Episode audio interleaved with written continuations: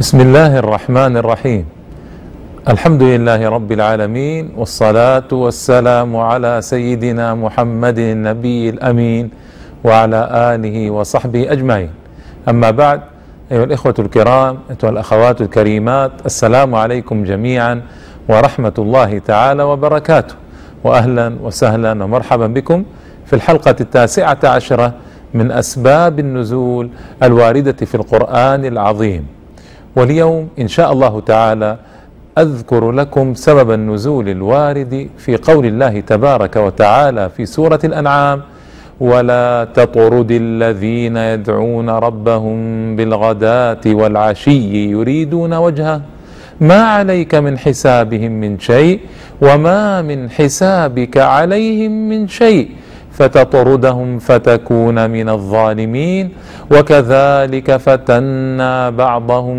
ببعض ليقولوا أهؤلاء من الله عليهم من بيننا؟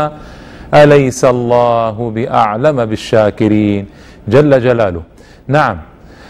في هذه الآيتين أو في هاتين الآيتين الكريمتين سبب نزول مهم. ألا وهو أن النبي صلى الله تعالى عليه وسلم كان يجلس إلى بعض ضعاف المسلمين مثل صهيب بن سنان الرومي وبلال الحبشي وعمار بن ياسر وغيرهم وأمثالهم رضي الله تعالى عنهم جميعا وألحقنا بهم على أحسن حال. فكان يمر به رؤساء قريش وعظماء الكفر فيهم فيقولون يا محمد صلى الله عليه وسلم لو نحيت هؤلاء الأعبد عنك حتى نجلس معك. ويمر عليه آخرون فيقولون له متعجبين مستهزئين أهؤلاء أي هؤلاء من الصحابة ذكرته لكم رضي الله تعالى عنهم أهؤلاء من الله عليهم من بيننا؟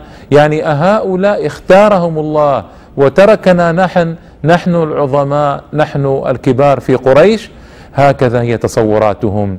والنبي صلى الله تعالى عليه وسلم كان حريصا كل الحرص على دعوة قومه فربما مال قلبه شيئا يسيرا إلى الاستجابة لدعوة القوم.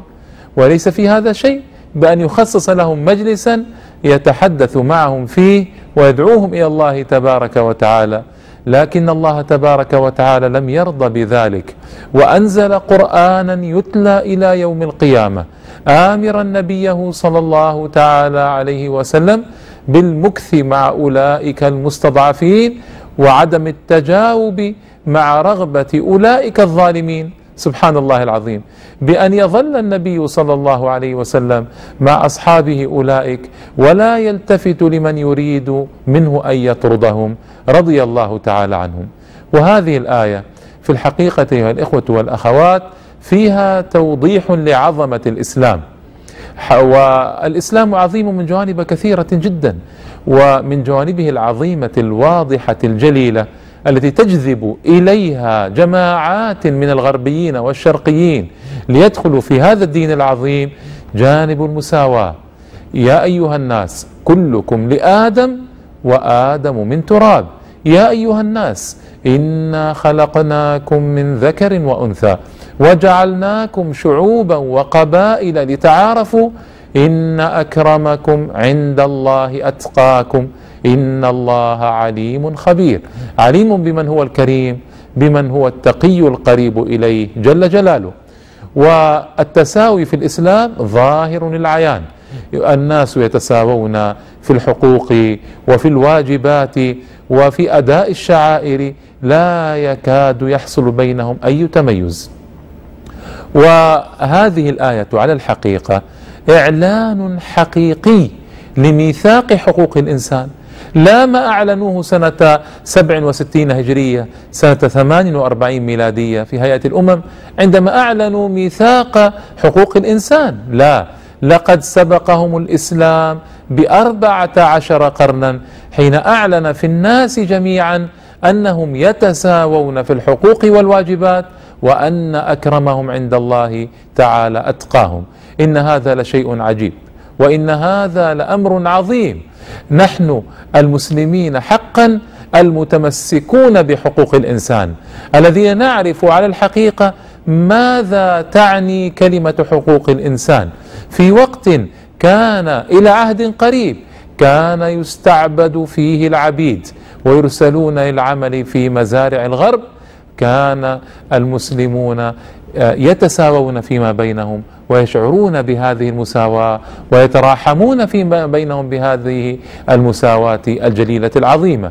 إن هذا أمر معلوم من تاريخ المسلمين. لا يحتاج إلى كثير كلام ولا إلى طويل برهان. فإن حقوق الإنسان محفوظة لم يحفظها بشر إنما حفظها الله تبارك وتعالى من فوق سبع سماواته. وأنزلها قرآنا يتلى في كتابه. وحفظها رسول الله صلى الله تعالى عليه وسلم وأعلنها أمام الملأ أجمعين. لا فضل لعربي على عجمي ولا لأبيض على أسود إلا بالتقوى. الله أكبر. وفي هاتين الآيتين أيضا تحذير واضح جلي لأولئك الذين يتمسكون بالعصبية الجاهلية. اليوم منا أناس للأسف يرتفعون فوق بعضهم البعض ولا يتمسكون بتعاليم الإسلام ويأنفون من الجلوس مع الضعفاء أو مع الفقراء أو مع غير ذوي الوجاهة والمكانة الاجتماعية يأنفون منهم ولا يدعونهم إلى ولائمهم ولا يلتفتون إليهم. هذه قضية نحتاج إلى مراجعتها. نحن المسلمين اليوم الأمة الوحيدة ولله الحمد الباقية على كرامتها الإنسانية وعلى ما أراد الله تعالى من علو ومن أن تكون الأمة الخيار الوسط.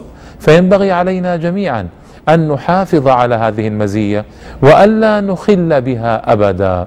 ولعلي أذكر لكم أني في محاضرة من محاضراتي في مكة وكان قد حضر المحاضرة امرأة غربية سوداء فتحدثت من خلف ستار تذكر لي قصة عجيبة.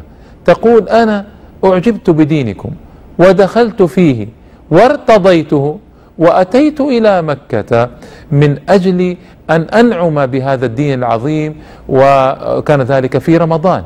فركبت في وسيلة مواصلات في النقل الجماعي بجوار امرأة بيضاء فإذا بها تتجافى عني وترتفع ثم تقوم وتتركني. أثر في هذا الموقف أعظم تأثير حتى هممت بالردة. أعوذ بالله. كيف تصنع هذه المرأة هذا؟ لكن لأنها حديثة عهد بكفر حديثة عهد بشرك وكان قد دخلت الإسلام لتوها قريبا فتزلزل إيمانها وإسلامها شيئا من هذا الموقف. لذلك أخذت أطمئنها بأن الإسلام خلاف هذا وأن تلك المرأة أخطأت بصنيعها ذلك لكنه أحدث جرحا غائرا في صدرها وقلبها.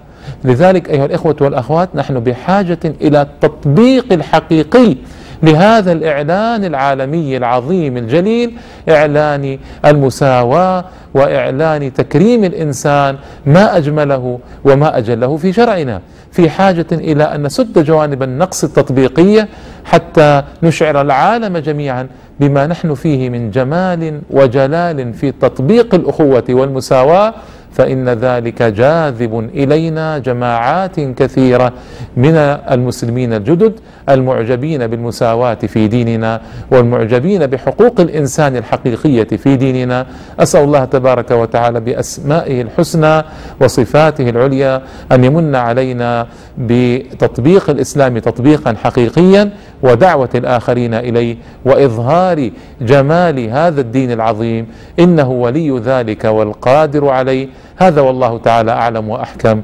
وصل اللهم وسلم وبارك على نبينا محمد وآله وصحبه أجمعين. وإلى اللقاء في حلقة قادمة إن شاء الله تعالى من برنامجكم أسباب النزول. والسلام عليكم ورحمة الله تعالى.